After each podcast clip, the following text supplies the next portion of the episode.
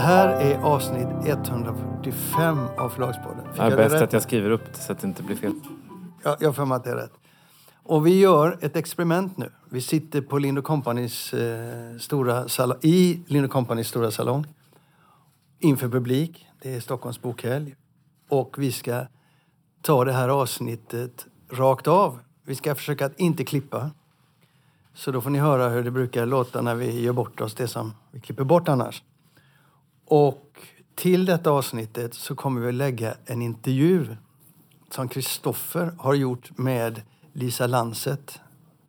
Langset. Och Lisa Langset är ju regissören bakom Kärlek och anarki. Och jag tror det är nästa vecka. så- Också manusförfattaren. Ja, manusförfattare. Och, och, och det det är den serien som har gått på Netflix om förlagsvärlden. Och säsong två kommer nästa vecka. Och då tyckte vi att... Och det är där som hon avslöjar att Lasse Winkler är förebilden för den här griniga förläggaren. Jewish. Ja, det kan du lyssna då eftersom du inte tycker jag eh, fungerar som förläggare. Så får du ju klart för dig då att jag gör det. Nå, så, så är tanken. Så vad vi gör här nu, från och med nu, det är att vi spelar in och allting går ut. Och så debuterar Kristoffer som skjutjärnsjournalist i detta avsnittet. Vi lägger på intervjun med Lisa Langset efter det här.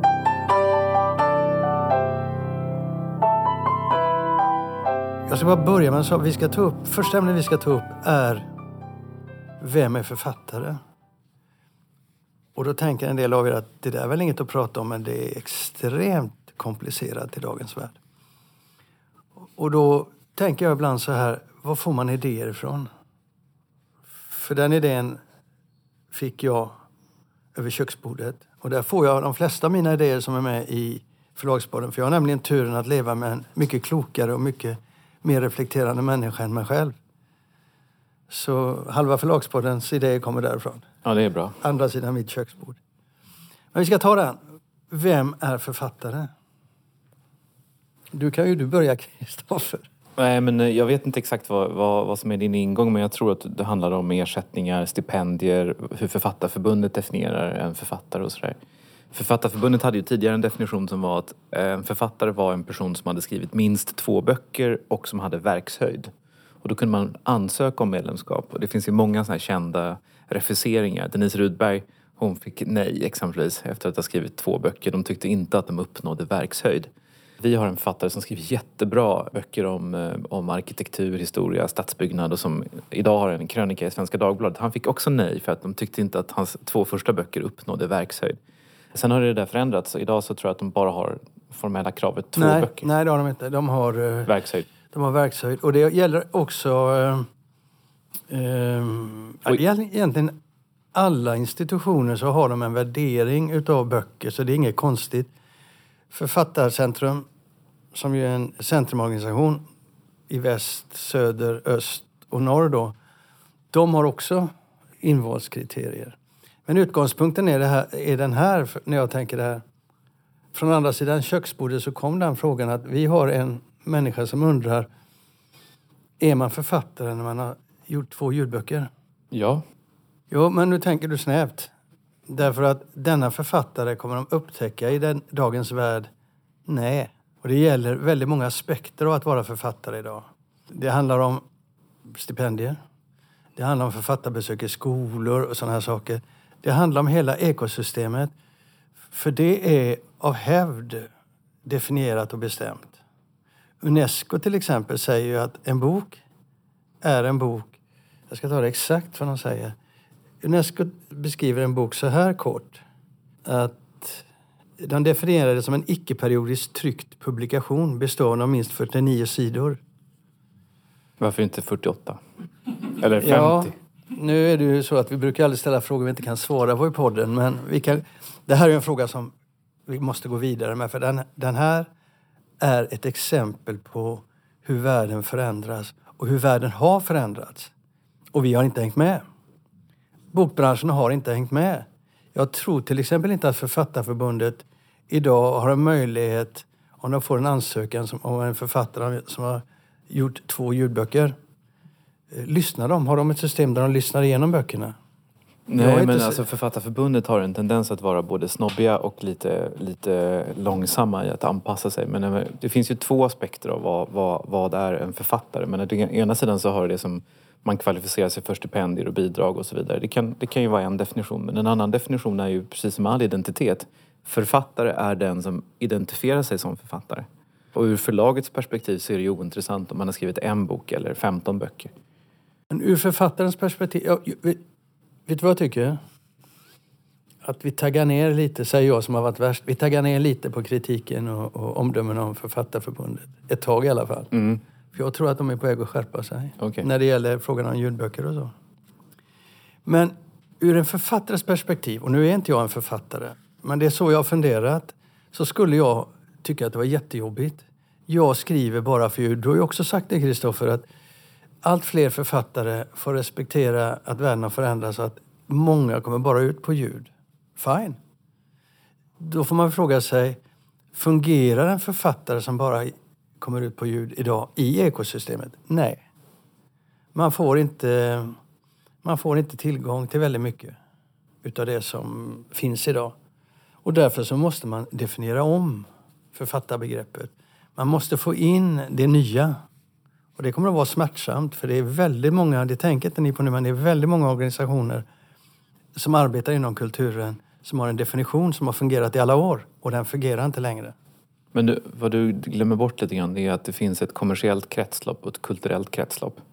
Och Då pratar jag om det kulturella nu Du då. talar om det kulturella och det kulturella kretsloppet som du talar om det är ju liksom just stipendier och bidrag och biblioteksbesök och det är väldigt mycket Författarförbundets aktiva medlemmar. Och jag skulle säga att de har inte de senaste 20 åren tillhört de som ligger på topplistorna. De har inte tillhört de som förlagen tjänar pengar på. De har inte tillhört det kommersiella kretsloppet och de där kretsloppen är Alltså man kan absolut lägga in en sån aspekt att det är liksom ljudboken eh, var ju en bok rent formatmässigt, var ju en författare liksom rent definitionsmässigt men de hör, de hör inte alltid ihop hur som helst.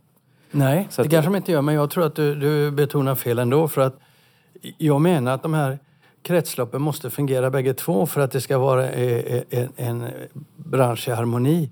Och för författarna är det vä- väsentligt att bli sedda som författare oavsett att det är på olika nivåer.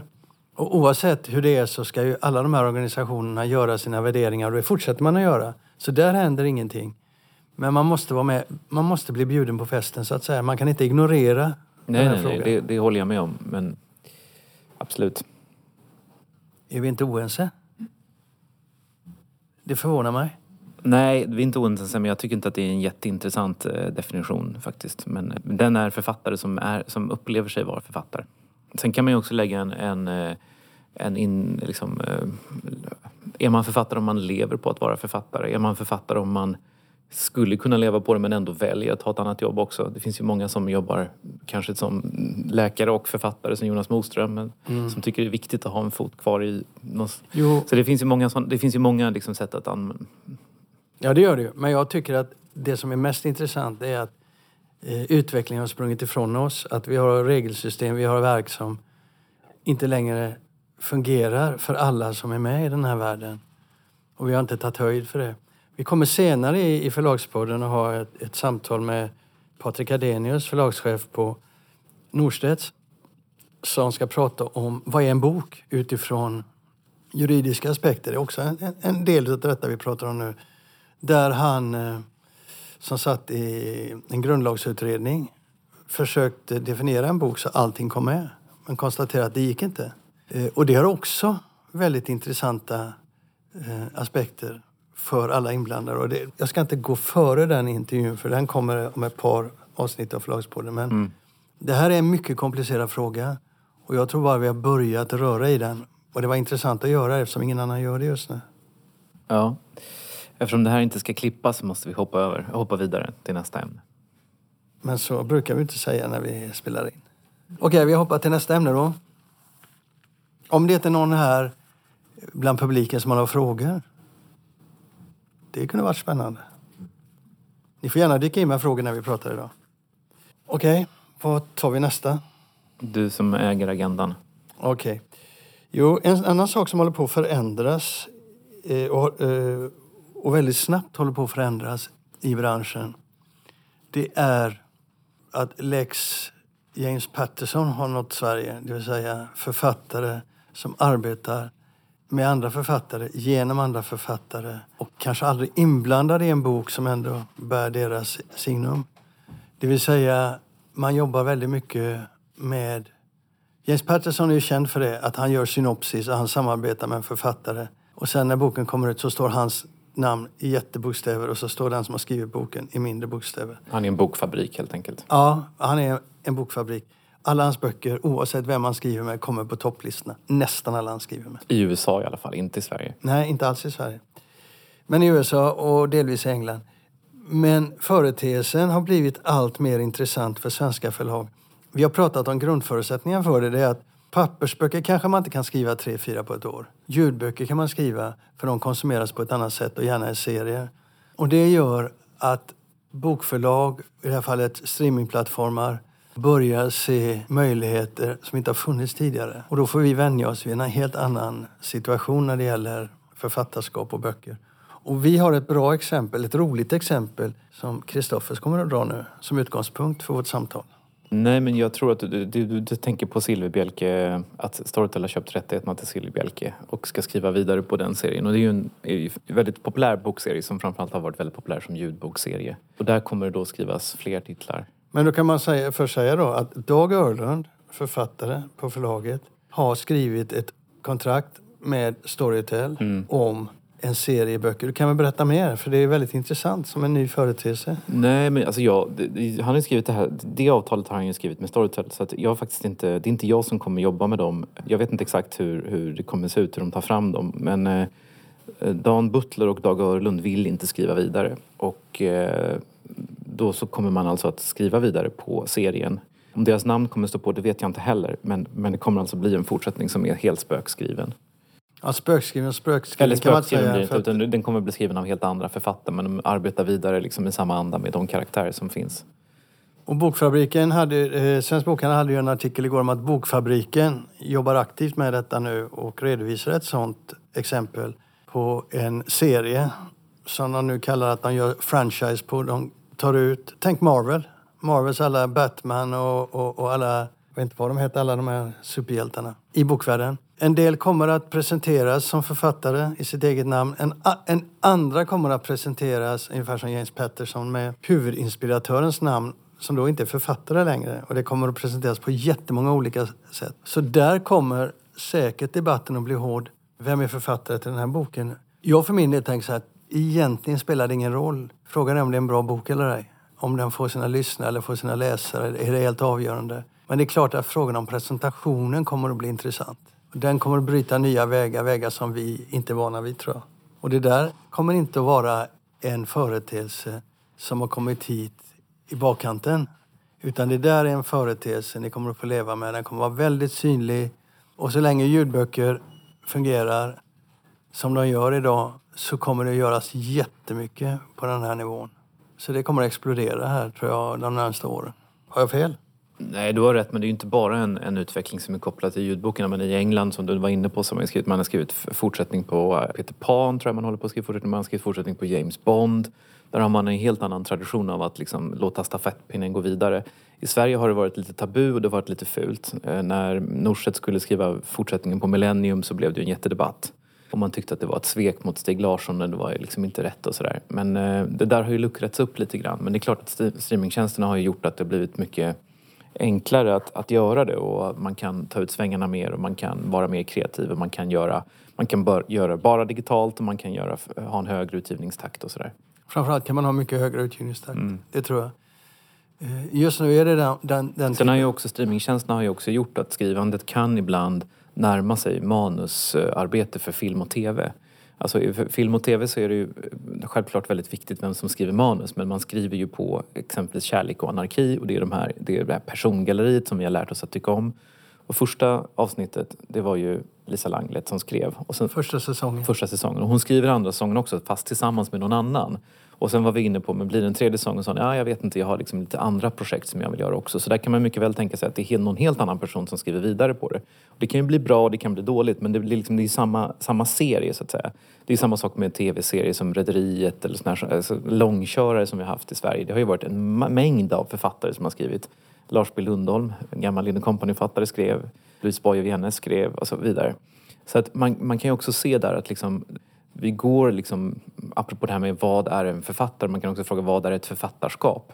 Och att det kan liksom, man kan, man, ibland så flyter det ihop lite grann och streamingtjänsten har gjort att det kan, en bok kan bli lite som en tv-serie eller som, som ett manus för tv och film. Det kan vara fler personer som jobbar med det och så vidare.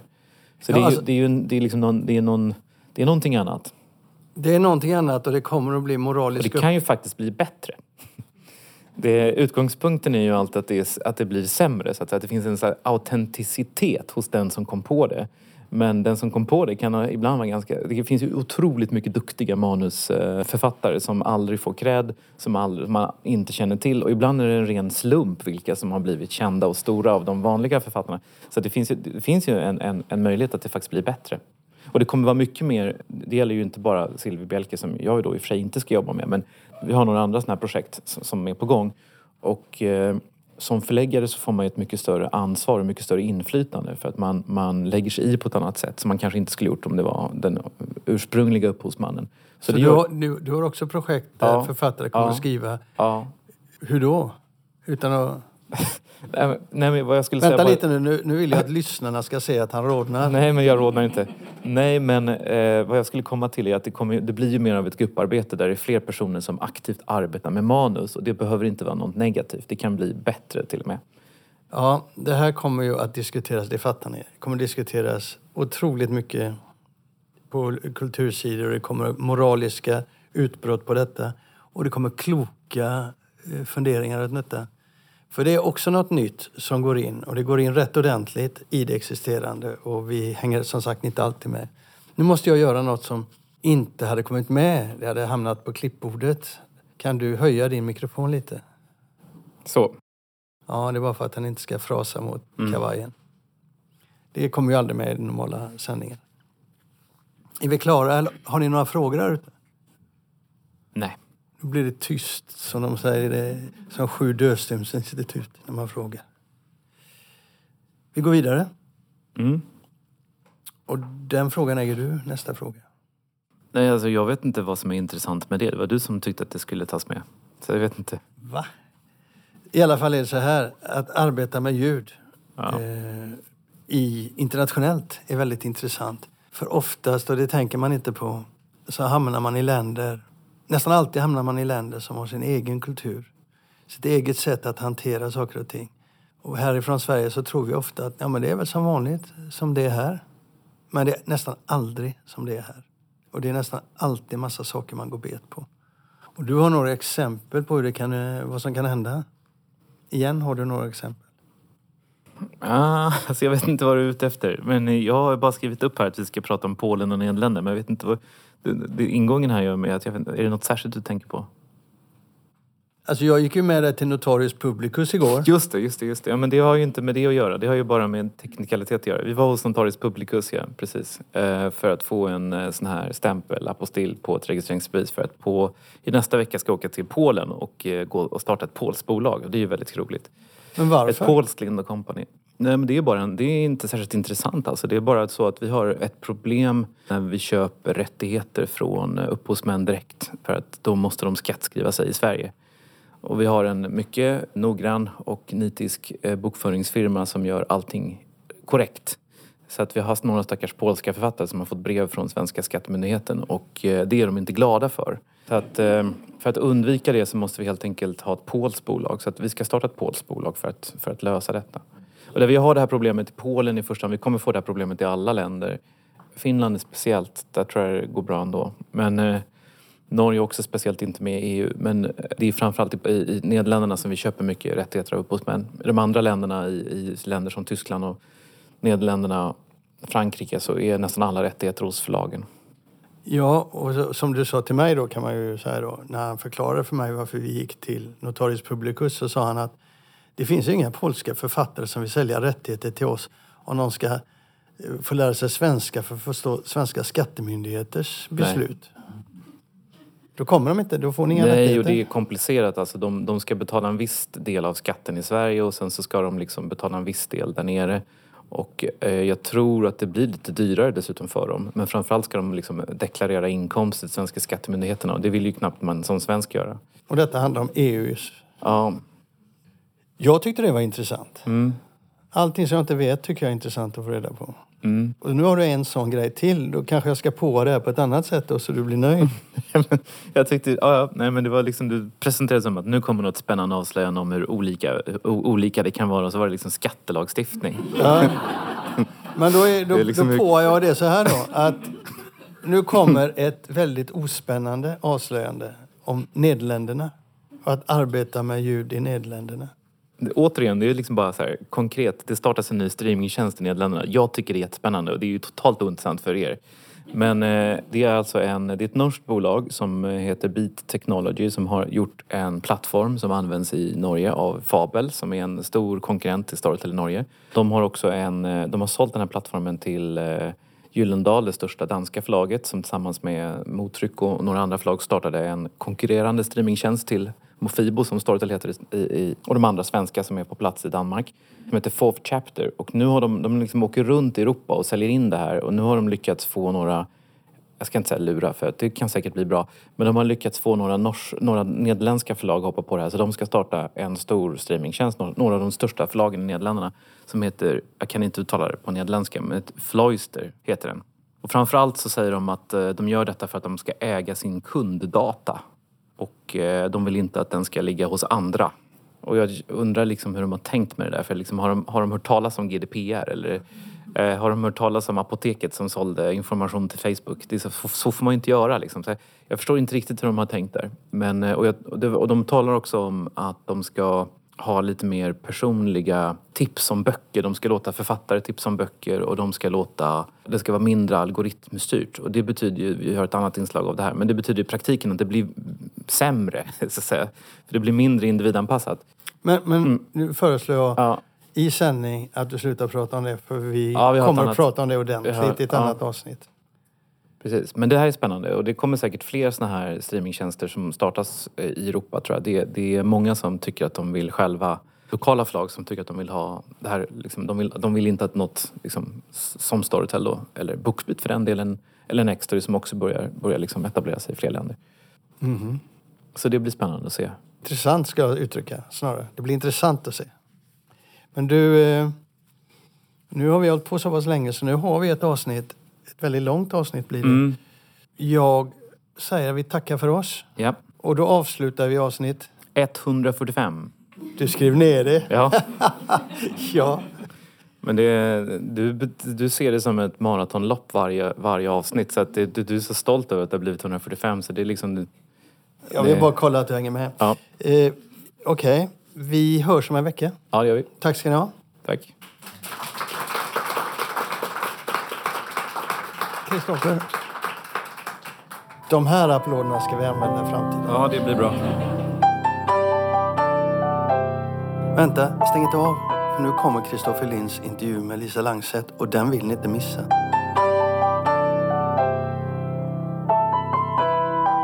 Det brukar alltid vara så när vi har externa gäster att det är Lasse som intervjuar. Så det är lite Ja. ovant för mig att göra Ja. det. För jag är inte journalist. Men eh, varmt välkommen Lisa Langset. Till Förlagspodden. Och eh, du är ju lite av en special guest för oss kan man säga. Vad Eh, roligt. Vi brukar ju ha gäster i podden och det är alltid, det brukar vara förlagsfolk eller författare men du är liksom en person som ser på branschen utanför och har ett liksom utanför perspektiv på oss. Du är nämligen författare till Kärlek anarki. Säsong ett skrev du själv men säsong två så är ni två som skriver. Ja, ja, precis. Jag, skrev, eh, jag skapade historien och sen fick jag hjälp av flera författare att, att, att, att utforma. Och säsong två så skriver jag, har vi ska, skrivit från grunden då, jag tillsammans med Alex Haridi. Vad roligt. Och sen har jag regisserat och även regisserat, några avsnitt är regisserade utav Emma Bukt. Okej. Mm. Så det har mer blivit ett eh, grupparbete från att jag från början stod mer själv. Ensam. Ja. Alla i bokbranschen har sett Kärlek och anarki och jag har inte träffat någon som inte tycker om den. Det är verkligen en serie som tagit bokbranschen med storm. Och alla undrar förstås varför eh, skriver man en serie om bokbranschen? Från början så var jag intresserad av att hitta, att göra en rolig historia om den gamla, krocken mellan den gamla och nya tiden som vi alla befinner oss i. Och jag har ju jobbat med både teater och långfilm tidigare. Jag började jobba med teater på 90-talet och sen har jag liksom gått från teatern till att göra långfilm och sen har jag då hamnat i tv. Filmvärldens utveckling liknar bokvärldens mm. på ett visst sätt. Att liksom man har, har haft den analoga eh, filmen. När jag gjorde min första långfilm var fortfarande frågan om man skulle filma på film eller på vad man kallade då för video. Biomarknaden är ju under samma hot som ja. man då idag pratar om liksom den fysiska boken och så vidare. Och sen liksom, också hur marknaden har blivit liksom internationell i och med det digitala. Att det finns, liksom, det finns också möjlighet att mäta konsumenten. Det gör ju till exempel alla streamingtjänster i detalj, kollar mm. exakt vad folk slutar titta, liksom ser och så här. Så det liknar lite. Och då, så först tänkte jag, övervägde jag om du skulle eh, förlägga historien i filmvärlden. Men filmvärlden är också liksom så extremt eh, tröga finansieringssystem. Alltså det, det det är inte så jäkla kul på ett filmproduktionskontor. Det är också Nej. väldigt liksom, slutna världar. Det som jag tycker med ett förlag det är att på ett, ett någorlunda stort förlag så kommer ju alla olika typer och passerar. In, inte kanske alla, men i min värld är det mera skillnader mellan olika författare och mm. sådär. Liksom. Mm. Och eh, en lättare värld att gestalta på det sättet. Och sen var det också skönt att slippa min egen. Din egen bransch?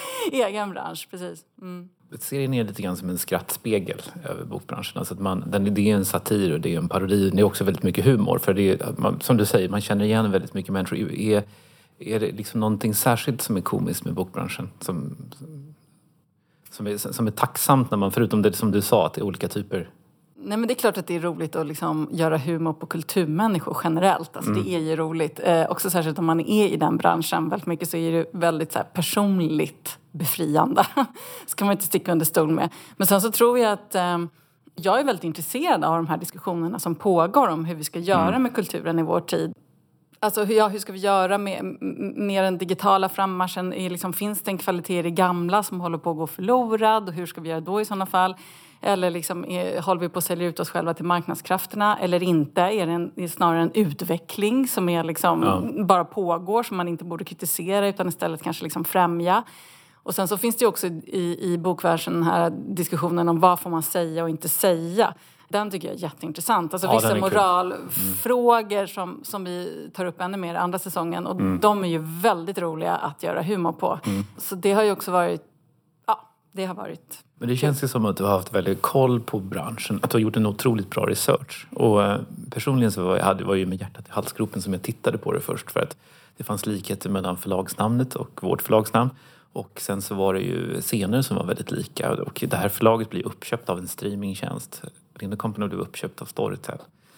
Har du liksom har du gjort väldigt noggrann research eller är det bara att du har en känsla för vad som har legat i tiden och sen så har de här personerna exempelvis, är det arketyper eller finns det förebilder? Både och skulle jag säga. Mm. Alltså det finns ju man kan ju säga liknande saker händer i filmvärlden också. Alltså stora bolag köper upp mindre bolag och, liksom, och, och köper också upp liksom det kulturella kapitalet som det här lilla bolaget eller det här mm. förlaget mm. har. Liksom, för det är det de betalar för. Så det, det, jag menar till exempel stora streamingtjänster i USA köper in sig på jättekreddiga alltså arthouse-biografer för att visa sina streamingfilmer på de här biograferna bara för att liksom Alltså man vill åt det här kulturella kapitalet. Ja. Som, eh, så, så det, finns, det finns en del förebilder och sen så finns det ju Alltså jag har ju mina ingångar i litteraturvärlden ja. som jag har liksom lovat att inte röja. Nej, jag förstår det. Så det finns ju både plockat ifrån verkligheten och en del från teatervärlden också. Mm. Alltså, jag menar, Friedrich har ju vänner i gamla teatervärlden. När jag började jobba på Dramaten då levde ju liksom Ingmar Bergman fortfarande och Tommy Berggren och var högst aktiv och så vidare. Och så vidare. så det, jag tror också att det är olika karaktärer från mitt eget liv som jag liksom har skapat. jag förstår. Friedrich, det, vi kanske ska berätta lite om det för det är min personliga favorit.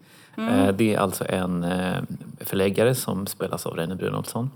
Och han är det finns ju en Friedrich på alla förlag och jag tror att alla förläggare är lite Friedrich innerst inne därför att det är en person som har kommit till förlaget för att han brinner för litteratur.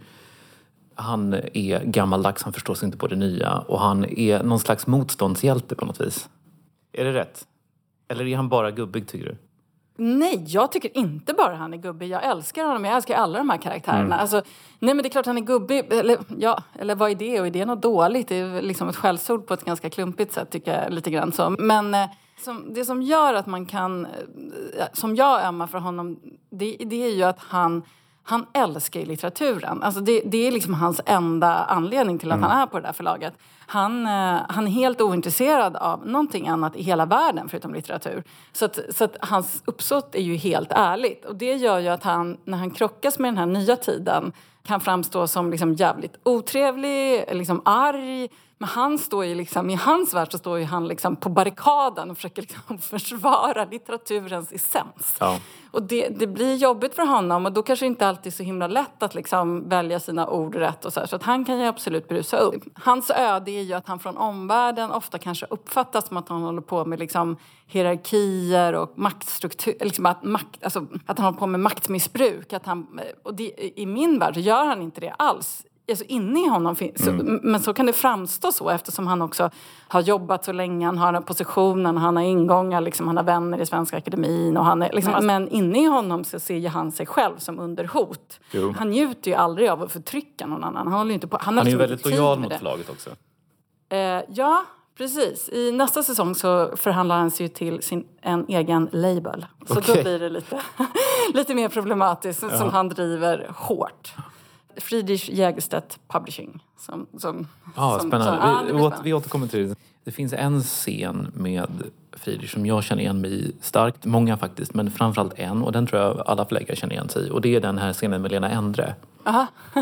Förlaget har satsat jättemycket på ett manus, mm. betalt ett alldeles för stort förskott mm. och så får man manuset och det är dåligt. Mm. Man förstår direkt när man läser det här kommer inte flyga, det här är inte mm. alls vad vi har tänkt oss. Mm. Och så tar man ett möte med författaren där man verkligen gör sitt bästa för att förklara att det är ett underbart manus och det är en mm. jättebra text. Men kanske att man eventuellt skulle möjligen kunna flytta det här, kanske utveckla det här och hon blir fullständigt rasande och slänger igen dörren. Och sen så slutar det med att han, han, eh, hon får ut boken och förskottet betalas inte tillbaka. Och mm. den här mm. konsulten kommer in och frågar honom, det står blommor på bordet som hon säger, mm. och det mm. löste sig med Lena Endre och han bara, mm. fråga inte om det. liksom fånga just den här konflikten mellan det, liksom, det ideella och det kommersiella mm. där, där man hela tiden måste liksom slingra sig fram som förläggare. Mm. Det har du fångat väldigt bra tycker jag. Ja, vad roligt. Ja.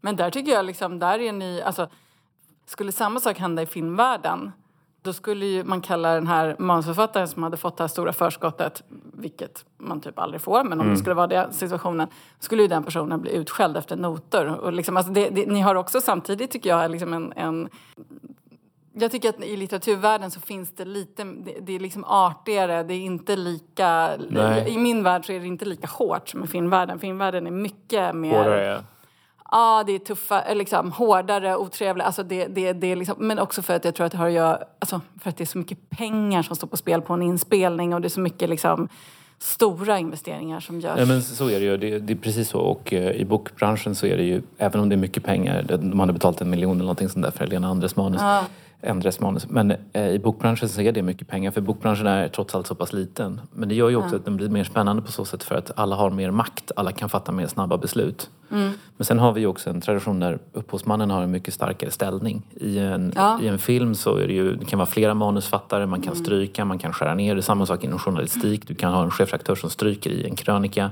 Det gör man inte av hävd i bokbranschen för att upphovsmannen har så stark ställning. Mm.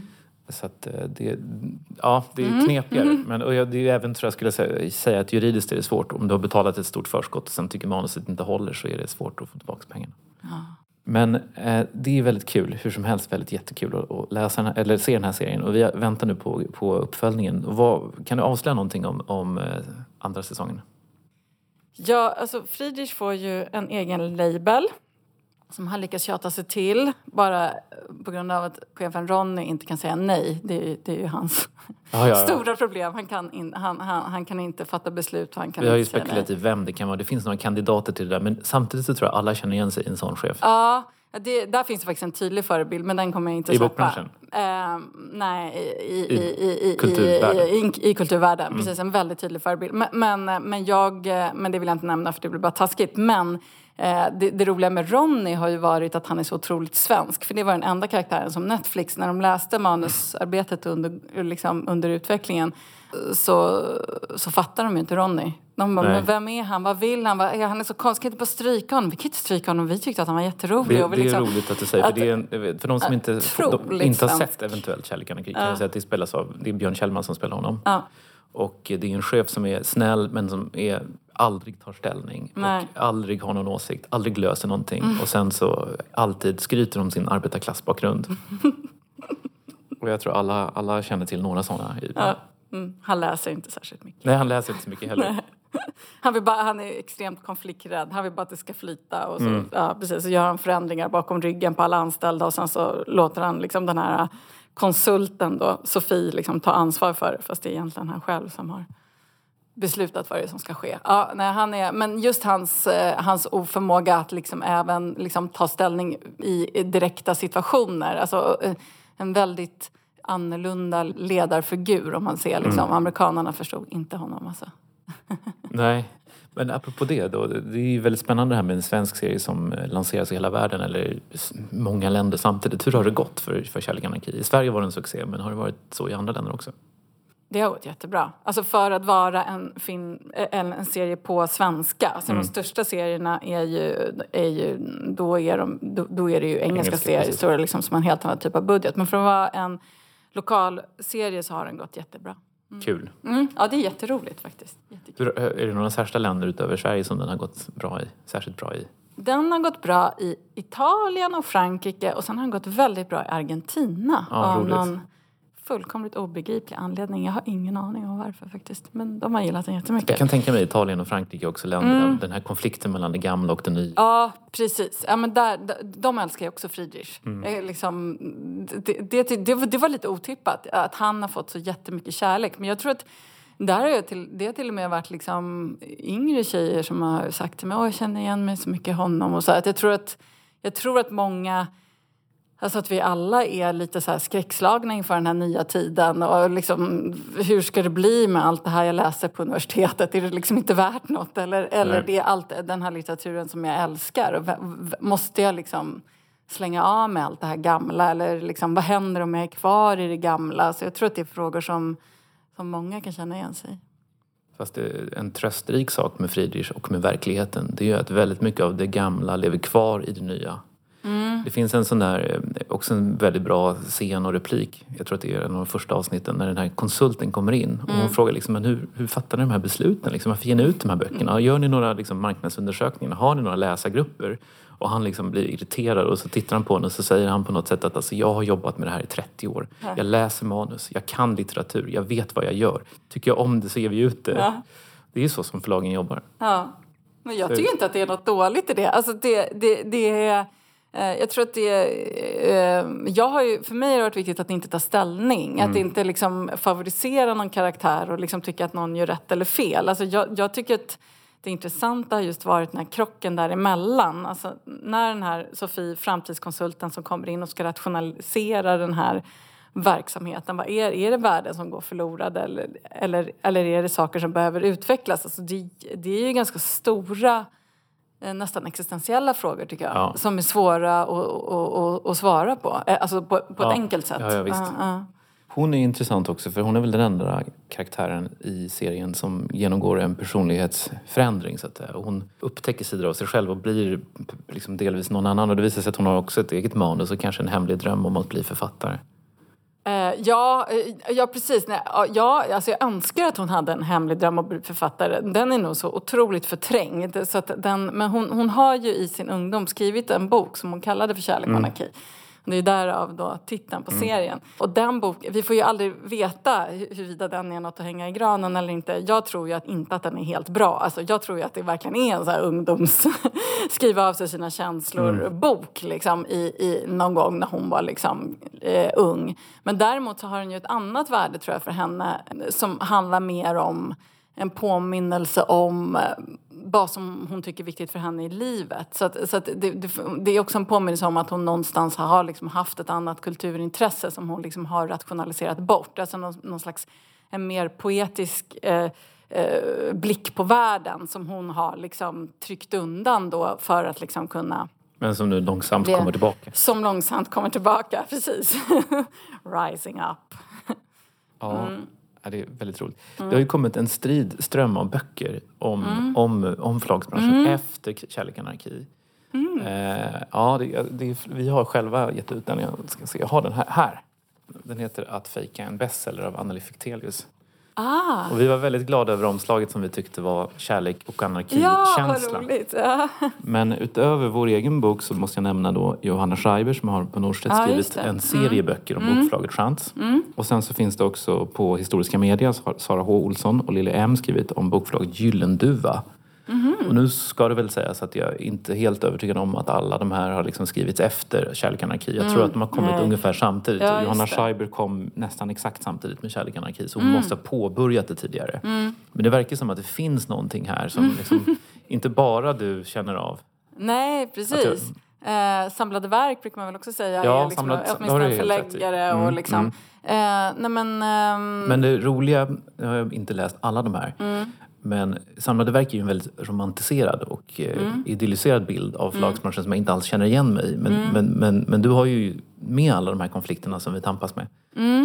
Eh, ja, jag vet inte. Alltså, det är ju ett väldigt använd, en väldigt användbar plats. Och jag tänker att är man dessutom författare själv så, så, så är det ju så är det inte konstigt Nej. att, att, att, det, att, det, att det går att använda. Det som är kul är ju att alltså, det går ju att slänga in alla idéer och små tankar som du har kan ju alltid en författare bära på som kommer in på ett förlag. Så att det går ju att göra... Det, det är ganska lätt att göra liksom idédrama, tror jag, av ett förlag. Eller att ha olika människor som kommer med olika liksom, syner på samtiden eller på sig själva eller på livet. För det är liksom det som ni jobbar med. Ni jobbar med berättelser. Så det går ju liksom att väva in väldigt mycket olika liksom, lager och högt och lågt i den här miljön. Ja. Mm. Vi är särskilt tacksamma att parodiera. Du som har kommit, som ser på, på bokbranschen utifrån och som har ett utifrån perspektiv. Är det något särskilt som du tycker bokbranschen utmärker sig av i negativ mening? Tycker du att det finns något som vi borde tänka på? Du är lite som vår, vår psykolog så att säga. Åh, la la. Då ska jag leva upp till det också. Nej, men jag... eh, Jag vet inte. Jag... Nej, jag tror, jag tror att, att det är samma utmaningar som, som, som vi har i resten av samhället. Alltså, så jag kan inte uttala mig om er bransch på det sättet. Men jag tycker att det kanske... Det, det, det, och det, det tar jag också från filmvärlden. Att man ibland kanske liksom... Att man, har, att man blir så himla rädd för att man ska vara gammeldags. Att man springer på väldigt fort in i den nya tiden. Men det tror jag inte bara har med liksom, bokbranschen att göra utan det tror jag har att göra med resten av samhället också. Åt andra sidan så vill jag inte säga att vi ska gå, röra oss bakåt för det, det tror jag, det går ju liksom inte heller. Det är, det är en väldigt bra och intressant reflektion. För, ja, det är mer än tio år sedan, för 15 år sedan så köpte Lind Company Grönköpings Veckoblad som då ägdes av Ordfront. Och hur den har hamnat där, det är väldigt märkligt. De tyckte att det var en jättetöntig tidning som, som skrevs av tio pensionerade häradshövdingar. Och de varnade mig när jag köpte den för att den kommer liksom inte finnas kvar om några år. För de här gubbarna som, som läser den, de är liksom alla över 80 och den kommer, kommer försvinna. Det är ju fortfarande Sveriges största kulturtidskrift. Den har över 10 000 prenumeranter. Och det intressanta med den är att det kommer hela tiden nya gubbar. Ja, Ungefär som att publiken på Operan idag är jättestor. För 10-15 år sedan så hade man problem med att fylla Operan och man tänkte att det, kommer liksom, det är en utdöende konstform men det kommer hela tiden nya. men det kommer inte unga. Jo, Utan det är nej, liksom det när kommer- vi kommer till nej, en viss ålder som vi börjar har- konsumera den här Ingen småbarnsförälder som har tid att gå på Operan eh, Nej. fyra timmar en måndagkväll. Nej. Eh, men eh, att det finns något ändå också tröstrikt i detta. Att det, allt går i liksom cirklar. Att, Ja. att det, även om bokbranschen är liksom stadd i förändring och digitaliseringen har förändrat den och kommersialiserat den så det, det grundläggande är sig likt. Samtidigt så tycker jag också att mm, det håller jag med om och kan förstå. Samtidigt som jag tycker att man kanske överger den unga publiken då genom att liksom bara överge dem mot de här kommersiella krafterna som styr. Att, att först tänker vi, ja men ni kommer komma tillbaka liksom till finkulturen när ni blir gamla. Det är ju Eh, jag skulle önska att det fanns i den här liksom, nya kulturen som uppstår en eh, ibland djupare analys av vad det är som händer också i filmvärlden. Att det känns som att vi För det blir ju väldigt sorgligt om vi gör liksom kvalitativ film till exempel för, liksom, för den äldre generationen som förstår den och sen så liksom låt, sockrar vi liksom de unga människorna som, liksom, eh, som inte förstår då kultur eller vad vi nu säger att eh, menar att de inte gör med liksom det som, som ska köpas fort och lätt och mer och mer och mer. Mm. Den utvecklingen kan skrämma mig lite. Jag tycker att det, att det är en sorglig utveckling också för Sverige som har haft en så otroligt stark liksom barn och ungdomskultur om man tänker på både liksom teater och film och litteratur. Att vi, där undrar jag liksom hur, eh, ja, att, vi, att vi ser på unga människor lite Men lättvindigt idag kanske. Tycker du att det gäller även bokbranschen eller är det tv och film som du tänker på då först? Nej, det kanske, nej, det kanske, i, i bokvärlden så finns det väl i och för sig eh, mer lite, nej kanske för tv, tv och film och eh, ja, vad, vad, vad, som produceras i den världen för, för yngre människor. Det är sant, det finns ju bra barnlitteratur fortfarande, det är klart. Mm. I nya säsongen så får Friedrich då en, en ny label, eller imprint som vi skulle säga. Finns det något annat som händer? Som ni kan avslöja redan nu? Eh, ja, Eh, precis. Friedrich får en ny imprint som han då själv kallar för en imprint medan alla andra på förlaget kallar det för en label. Han, eh, på denna imprint så eh, han lyckas locka en ny författare till sin, sin imprint. Och det är hans gamla Flamma, en, en gammal kärlek till honom som är en dansk författarinna som, som, till, som bor i Köpenhamn men tillfälligt befinner sig i Stockholm. Och är en kvinna som skriver precis vad hon vill. Mm. Eh, så hon, hon är väldigt frispråkig och hon ser det som sin liksom, konstnärliga rättighet att vara det. Så där, där, finns det en krock liksom, när hon kommer in på förlaget och det övriga förlaget är jätterädda för olika drev eh, och i den här rädslan för liksom att liksom bli anmälda eller bli liksom ifrågasatta att man gör någonting som inte är liksom politiskt korrekt så har de anställt en eh, sensitivitetskonsult Oj. som spelas av David Dencek som sitter och går igenom all litteratur i detalj. Och hans uppgift är att känna om han blir illa berörd och då måste liksom, då bör innehållet då strykas i den här boken. Och eh, Friedrich, han, eh, hur förhåller sig han till allt det här? Eh, ja, han blir ju tokig.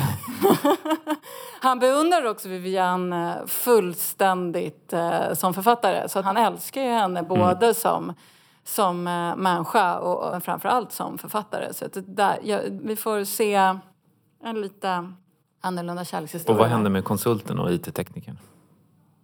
Konsulten, IT-teknikern, ja men det går sådär alltså. När säsongen börjar så har ju Sofie skilt sig från mm. sin man och försöker inleda en relation med denna ganska mycket yngre unga man. Sen så händer det saker i Sofies liv. Så hon är med om en katastrof, en personlig katastrof som präglar hela säsongen som gör att det blir väldigt svårt för henne. Så att Max och Sofie tragglar, tragglar åt olika håll. Slutet tänker jag inte avslöja. Okej. Okay. Blir det en eh, tredje säsong? Vet ni det redan?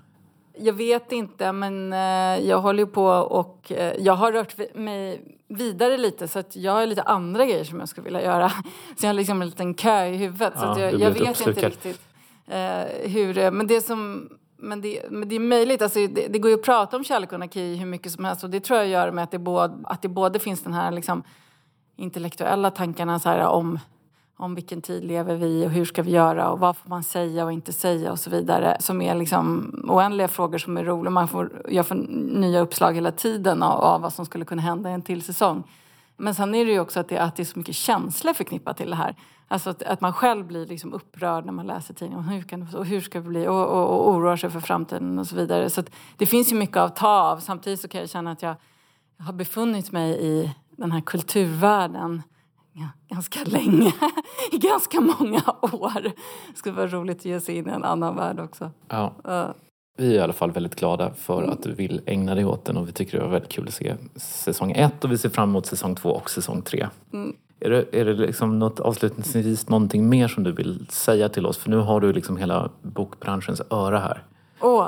Är det någonting som du vill säga till oss? Mm. Du som ser oss och skriver om oss. Uh, då, det, nej, Någon hemlighet kanske du vill avslöja? Nej, jag har ingen hemlighet, men fortsätt bråka på tycker jag.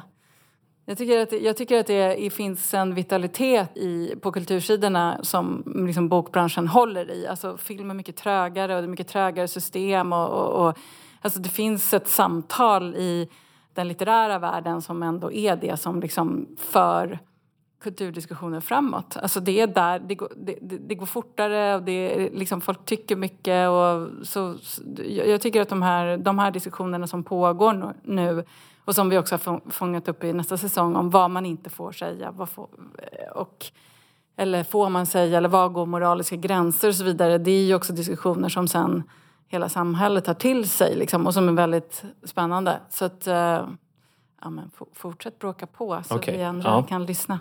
Tack. Stort tack för att du kom hit. Ja, tack.